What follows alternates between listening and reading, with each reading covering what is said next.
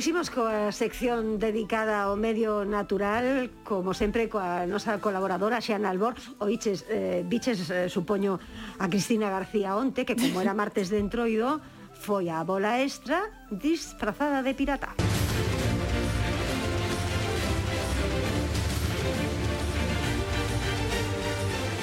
E que conste que aquí na redacción tamén houbo disfraces bueno, e tamén houbo moitas oh, oh, oh. marchas. Pero efectivamente os piratas retratados con romanticismo en moitas películas e novelas máis eh, levaban vidas duras fora da lei, realmente era, era o que vivían, e remataban moitas veces asustizados coa pena de morte, como lle aconteceu o pirata Roberto Cofresí, apreixado logo dun duro combate supostamente tal día como a hoxe, 2 de marzo, de 1825. Pois sí, Elena, bueno, eu vin a, a Cristina monísima. Ti de que fuches, Elena? Eu puxen un momento unha especie de pita na cabeza para sacar a foto exclusivamente. Hai probas gráficas. Sí, sí.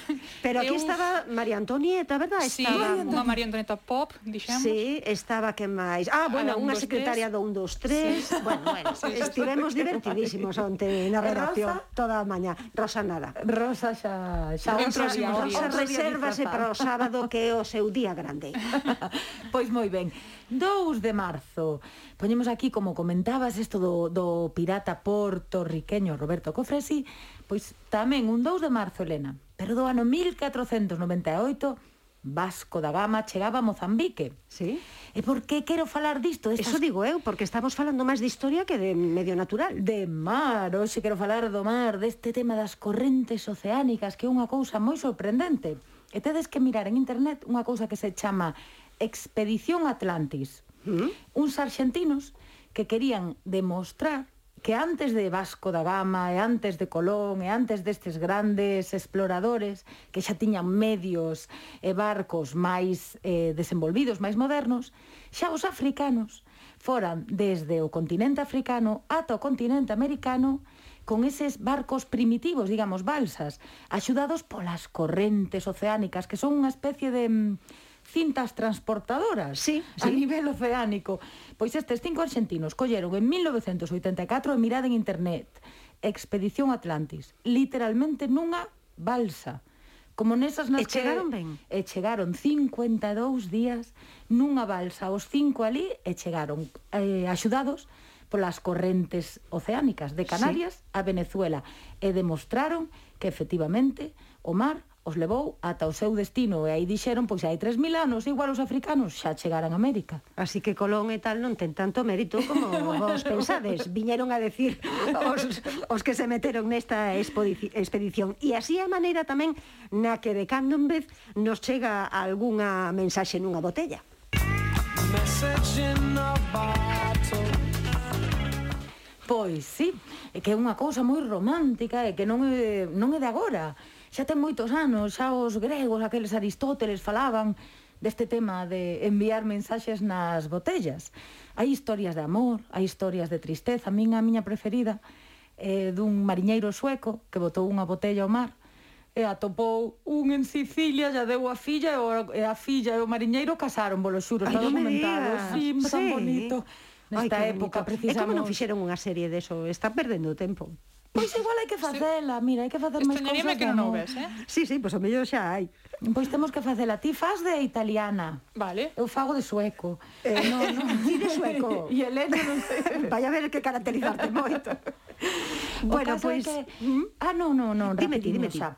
Non, pois ese tema, agora hai todo un proxecto que se chama mm, Drift Bottles, que ven a ser algo así como botellas en correntes oceánicas. Sí. E parte desde un instituto oceánico no Canadá, elevan anos botando estas botellas ao mar para estudar esas correntes oceánicas, pero recuperan a mellor unhas 5% das botellas un 5% que votan, das que votan ¿no? pero grazas a eso están axudando a que entendamos esas correntes oceánicas tan importantes para o noso clima e que poden chegar a verse afectadas por todos estes cambios que estamos a experimentar. Uh -huh. E este convidado que temos hoxe botou pues, tamén a súa mm, botelliña? Ou este que? convidado que fai é eh, coller todo do, do mar das praias para axudar a natureza.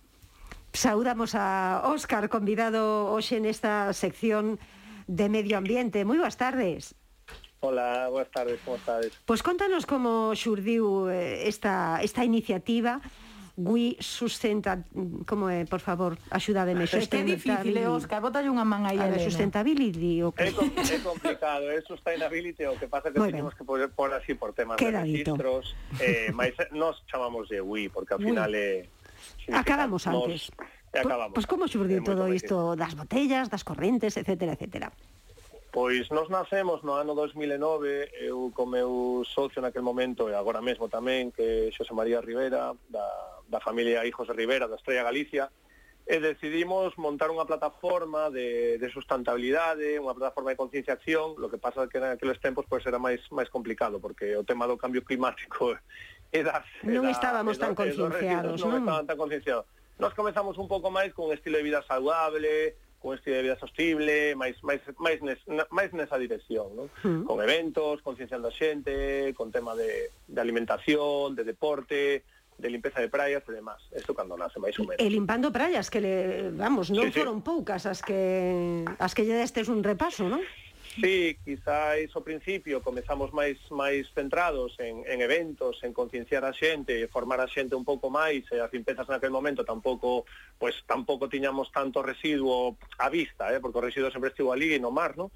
Eh, estaba máis enfocado nisto. Quizás as limpezas comenzan máis no ano 2017 e 18 coa coa nosa asociación con Mar de Fábula e, e algúns ONGs e máis, e máis asociacións que están dedicadas a isto, non?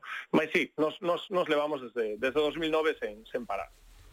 En Wii, que podemos chamar así logo para resumir, sí, sí, Oscar, sí, supuesto, en GUI, definides vos como a xeración da rexeneración. A ver, por que isto? Sí, porque quizáis eh, os, os máis cativos xa, xa eles están cunha, cunhas ideas moito máis claras, xa ven cunha educación moito máis forte no, no mundo medio ambiente, no mundo da sostenibilidade e demais. E quizáis os máis os máis vellos, pois xa, xa agora mesmo, ademais coa pandemia, tampouco podemos exixirles moito máis. No? Quizás A nosa xeración que un marco desde os 15 anos até os 60 máis ou menos, esa xeración da rexeneración, no? porque nós xa non creemos tanto na hostilidade que que que que unha palabra que se está usando moito, non? Uh -huh. Mm. Quizáis unha palabra ate cadáver, xa te, que se chama que aínda non comezou e xa a xente esta aborrecida dela. Mm. Nos falamos máis de, de, de rexeneración porque é o que realmente fai falta, no? Estamos os ecosistemas prácticamente mortos, xa vedes como está todo o tema do cambio climático a nivel de temperaturas e demais, e creo que todos, pouquiño a pouco, pois temos ese compromiso, ese propósito de, de mellorar a situación. ¿no? Mm. Principiastes, como dixo xa, hai 13 anos, na Coruña, pero mm, estendestes vos a, a outros lugares ou centrades vos aí? Actuades localmente para influir globalmente, Nos... como se sabe decir? Nós somos galegos, eh, e Galicia, como sabes, a costa é xigante, eh, temos costa de mil, entre 1.300 e 2.000 km de costa, depende como, como a midamos, non?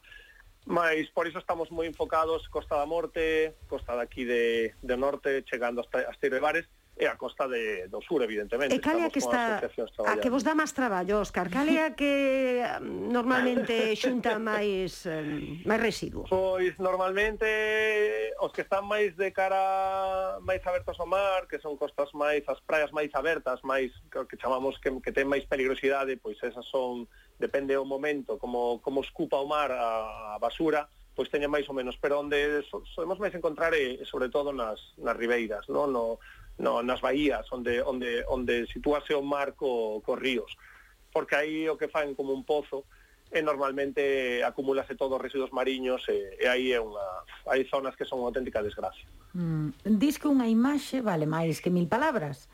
E no vosso caso, Óscar, unha acción vale máis que mil palabras. E por iso é quizáis que dicides que non facedes concienciación ambiental, senón que facedes conciencia acción. A ver, como, sí. como vai ese conteo de conciencia, claro. acción? Era un pouco o que te estaba a contar antes. No, no, no, no ano 2009 traballamos máis a divulgación, as charlas e demais. Chegado este momento e a urxencia que temos todos, que aínda estamos con... Eu quero ser positivo, estamos no momento de, mm. de trocar as cousas. Nos agora xa non falamos, porque quizáis tamén estamos nun mundo político que está todo o mundo a falar, a falar, a falar, e non par de falar. Non? Nos o que facemos é actuar e actuar constantemente. Se, se nos segues nas redes sociais, nas nosas webs e demais, a xente di, pero es que non parades, e que é verdade que non paramos, é que non se pode parar. Agora mesmo está para actuar, non?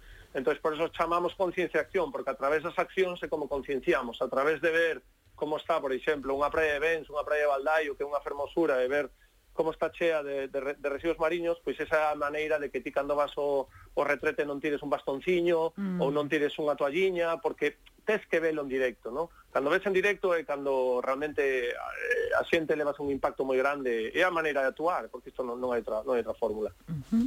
Galicia terra de creveiros, afirmades. E quizáis por iso vides de inaugurar xunto con Mar de Fábula un centro de artistas para todo o mundo en Camelle, chamado A Casa no Alto. Contanos un pouquiño de que vai isto e a mellor podes nos dicir o que ven a ser Creveiro, que eu, por exemplo, non o sabía. os Creveiros eran era xente que ia ás, ás, ás praias en busca dos tesouros que chegaban do, dos naufragios de, mm. pues, nos cementerios ingleses, en Costa da Morte, non? Sí, home, acordo me... unha vez, Óscar, que a unha praia de Ferrol, eh, a Santa Comba, creo que foi, chegaron unha chea de zapatillas de deporte, que aquelo fora un escándalo, todo o mundo a por elas, todo o mundo a por elas. Fíxose Creveiro ata o último, vamos. Pois, sí, sí. Pois iso, iso é o significado de Creveiro. Que pasa? Que desde os últimos anos é un pouco a referencia máis espiritual, quizáis, é eh, o, o, o Prestige, con, coa, coa morte de Man tamén, Eh, Camelle ten, un, ten un, é unha residencia espiritual, ¿no? onde estamos todos aí abertos ao mar, e como está mar de fábula ali, decidimos nos facer, pois, se va levar un pouco todo a, a outro nivel con, con isto, ¿no? eh, facendo unha, unha residencia para artistas, onde con coas crevas, diferentes tipos de performance e demás, tratar de concienciar un pouco a, a todo o mundo, ¿no? porque isto vai dirixido a todo o mundo ao final. Entón, bueno, é como xuntar un pouco unha casa de artistas, creatividade, residuos mariños, todos os que somos os creveiros que estamos salidos de anos, e facer algo bonito e, e que teña impacto. E o recordo de Man, ¿no? En riba de, de toda esa acción. Sí, bueno, nos non podemos falar tanto del porque realmente non, non vivimos tanto esta situación e queremos respeitar ao máximo a figura de Man, pero sí é por facer unha referencia, non? Ao final, os creveiros veñen de moitos, moitos anos atrás, Man foi unha persoa moi importante que, que estaba ali coas, coa súa personalidade extraña, non? Pero quizáis eh, esa forza que, te, que teño que tivera Mar de Fábula e eh, o resto das, das ONGs e asociacións e nos como empresa xuntando moita xente para, para as limpezas e demais, pois queremos que teña un fin con, co arte, ¿no? porque al final o arte é a maneira de impactar un pouco máis forte a, a cidadanía. E agora que fala de empresa, Como non me contaches, Xana, que Óscar é o responsable de Bavba, unha marca de roupa moi bonita, Eh, vamos, a mí me encanta esa marca, sí. Que había que hecho contar a él? Pues conta, Óscar, logo, como naceu isto de, Bad, de Badba, que facedes unhas cousas chulísimas, un su, suadoiro... Bueno, Badba, eh, sí, sí. sí, Badba tivo anos moi bons, cando comezou, cando era un cativo, tivo anos moi malos, que tamén hai que contalo, pasamos fatal na, na crise, por culpa da crise, por culpa miña, que non, non soy moi ben xestionar as miñas cousas, Eh, antes da pandemia comezábamos a camiñar moi forte tamén, pero viño unha pandemia e agora, gracias Ay, a Deus, no, si sí, seguimos traballando moi forte. A verdade é que, bueno, é un estilo de vida, nos levamos apostando desde que nacimos por sempre o mesmo que o surf, o, o skate, a, a, a cultura de street, o arte e a música, non? Entón, eso é a nosa bandeira. Mm. Elevamos moitos anos. E quen deseña eh, ti, Óscar? No, no, temos unha equipa de agora somos 25 persoas, temos eh, diseñadores en toda Europa, bueno, somos un equipo de xente moi xoven, moi xoven de, a nivel de mente tamén, porque eu son o maior, que eu teño casi 40 anos, pero somos un, con unha filosofía nova no mundo da sustentabilidade, evidentemente, pues, todo pasa por, por cuestionarse moitas cousas, eh, no mundo da sustentabilidade, tanto de teixidos como proveedores, levamos traballando en Portugal desde que comezamos, porque sempre pensamos que que a huella de carbono era, era mínima, eh, eh, e tendo aquí o que temos o texido empresarial que temos aquí en Portugal e en Galicia, pois evidentemente mm. é moito máis fácil tirando o local, non? eh, quizáis pois levamos moitos anos facendo moitas cousas e comunicando pouco e aí surxe tamén esta conciencia acción eu chamo ya comunicación que queremos convertirnos nunha marca Gusta che xogar cos palabras, eh? Sí, sí, porque levamos moitos anos e agora que vemos como, como ás veces nos preguntan que hai moitas empresas dedicadas ao verde, no? Mm e, e ao final o que vemos é eh, nós que estamos todo o día metidos nelo e despois ver como te están adiantando pola dereita todo o mundo e pola esquerda pois o que queremos é comezar a comunicar. O Amola problema un pouquiño, que, claro que sí.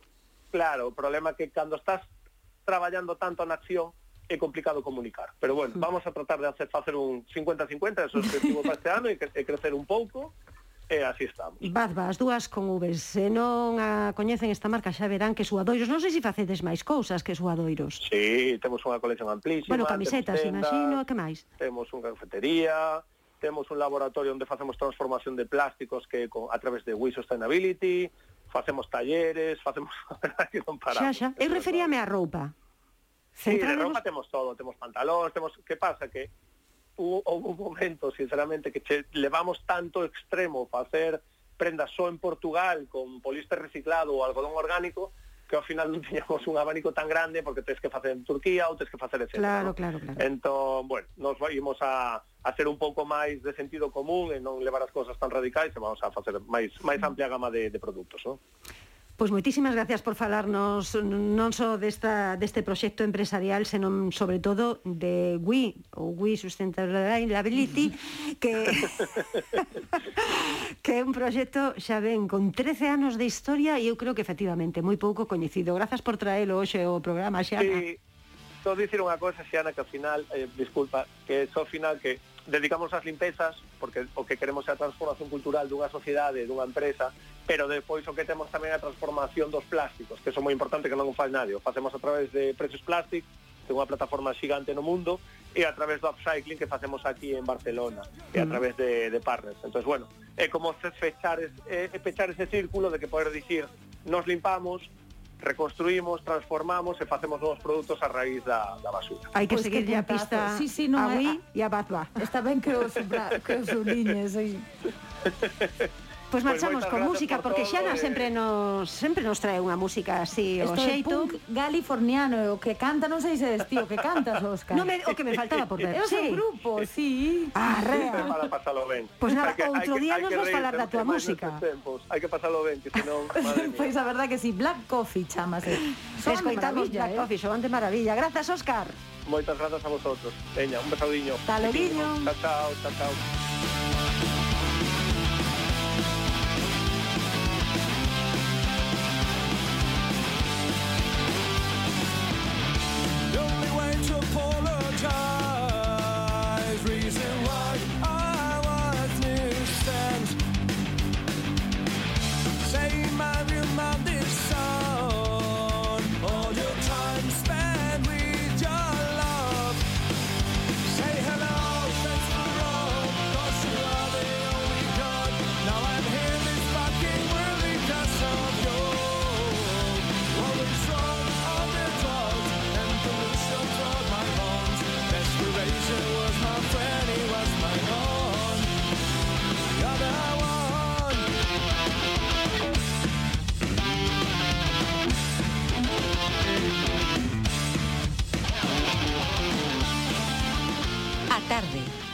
Radio Galega. A Radio Galega no teu móvil. Sigue as noticias, escoita os nosos programas, rico no seu humor. Recupera os teus contidos favoritos calquera día, a calquera hora, en radiogalega.gal. Cando algo pasa preto de ti, Radio Galega. Bueno, lévalo dentro, lévalo dentro.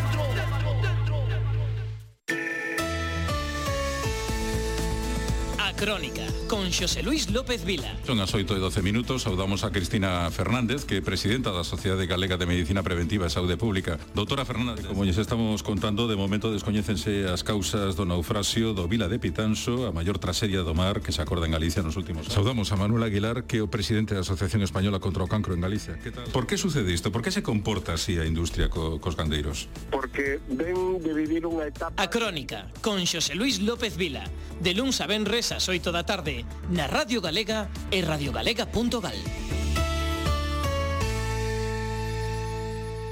A tarde, Radio Galega.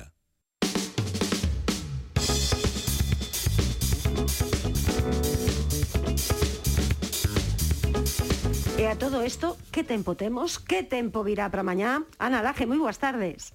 Hola, que tal? Boas tardes. Que nos pode tempo- agardar mañá? Paraugas ou que? frío, sí, creo. Vamos a ver, eh, antes de chegar a mañá, pareceme importante sinalar o que vai pasar esta vindeira Pois sí, sí, noite. tes toda razón, pero toda. É que eh, eu xa vou adiantada, teño a cabeza mm, Claro, xa adiantado os acontecementos, claro. pero, en, bueno, no día de hoxe xa vimos os cubertos, precipitacións, Eh, ahora, mm, ata as 12 da noite, mm, teremos algunha chuvia, pero sean chuvias febles e ocasionais. Pero atención, porque a partir da madrugada eh, agardamos unha fronte que se chega polo Atlántico, xa se ven a imaxe de satélite, e é unha fronte moi activa.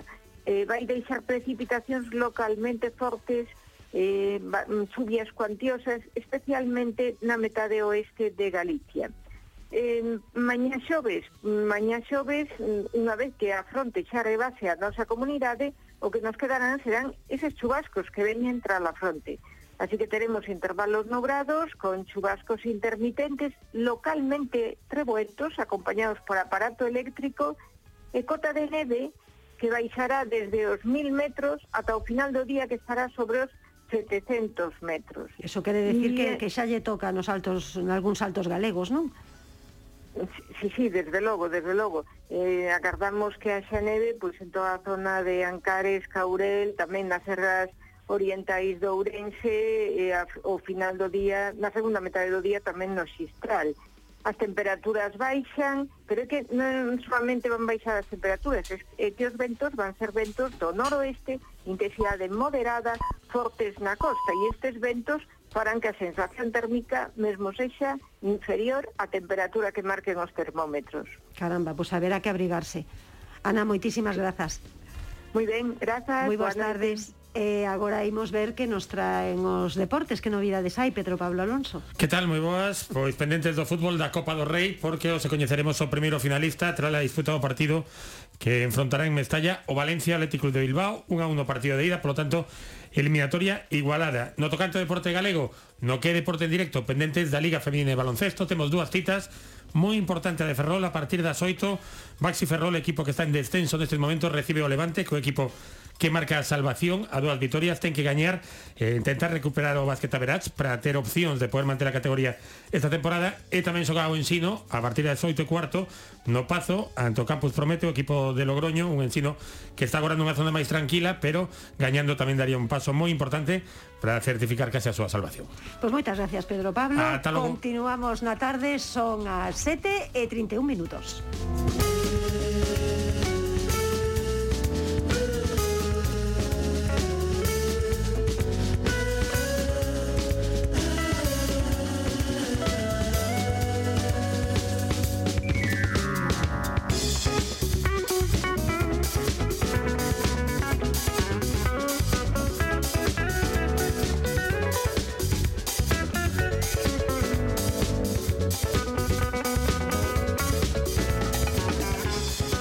A tarde, Radio Galega.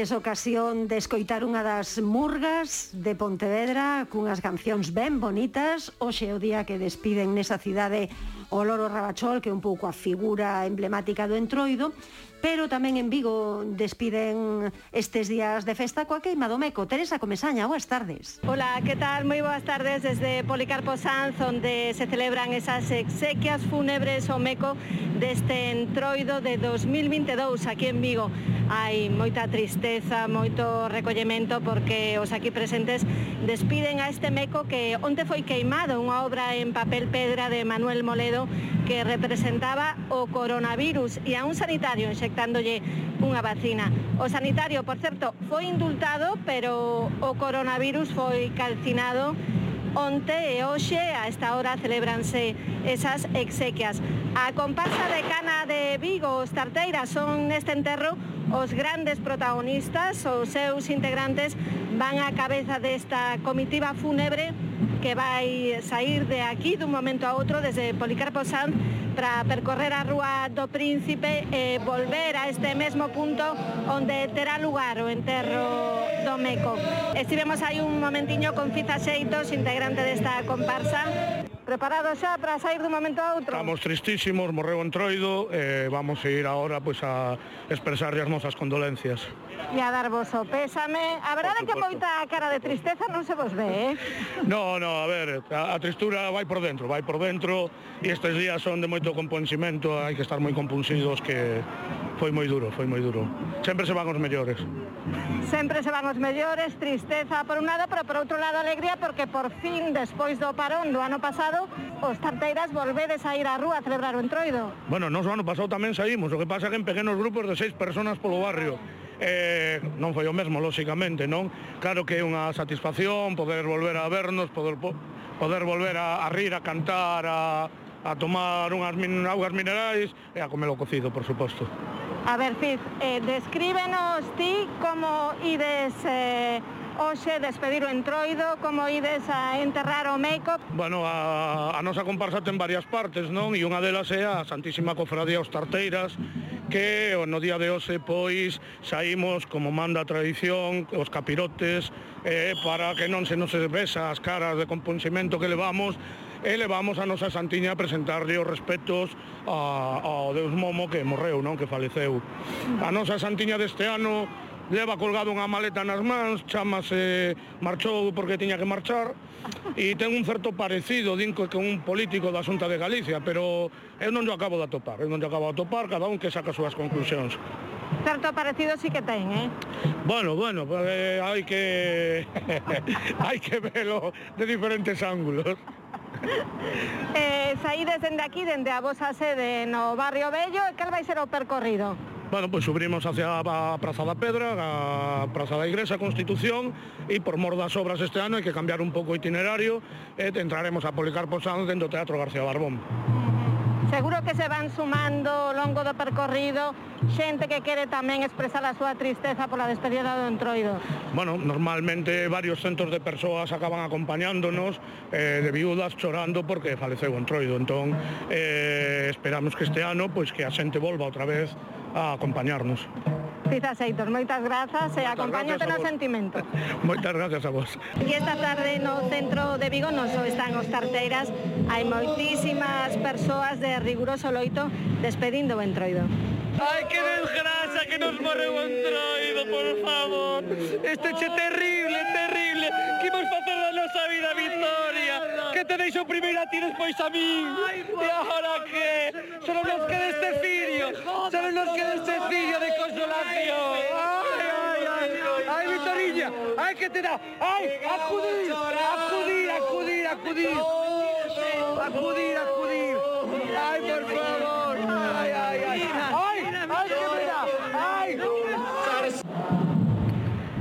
Sabedes quen estaba tamén aquí en Vigo esta tarde, pois as Tanxugueiras, pero as Tanxugueiras cantando o tema de Rigoberta Bandini en directo para Radio Galega. Por eso mamá mamá mamá mamá mamá mamá mamá mamá mamá mamá mamá viva las mamá mamá mamá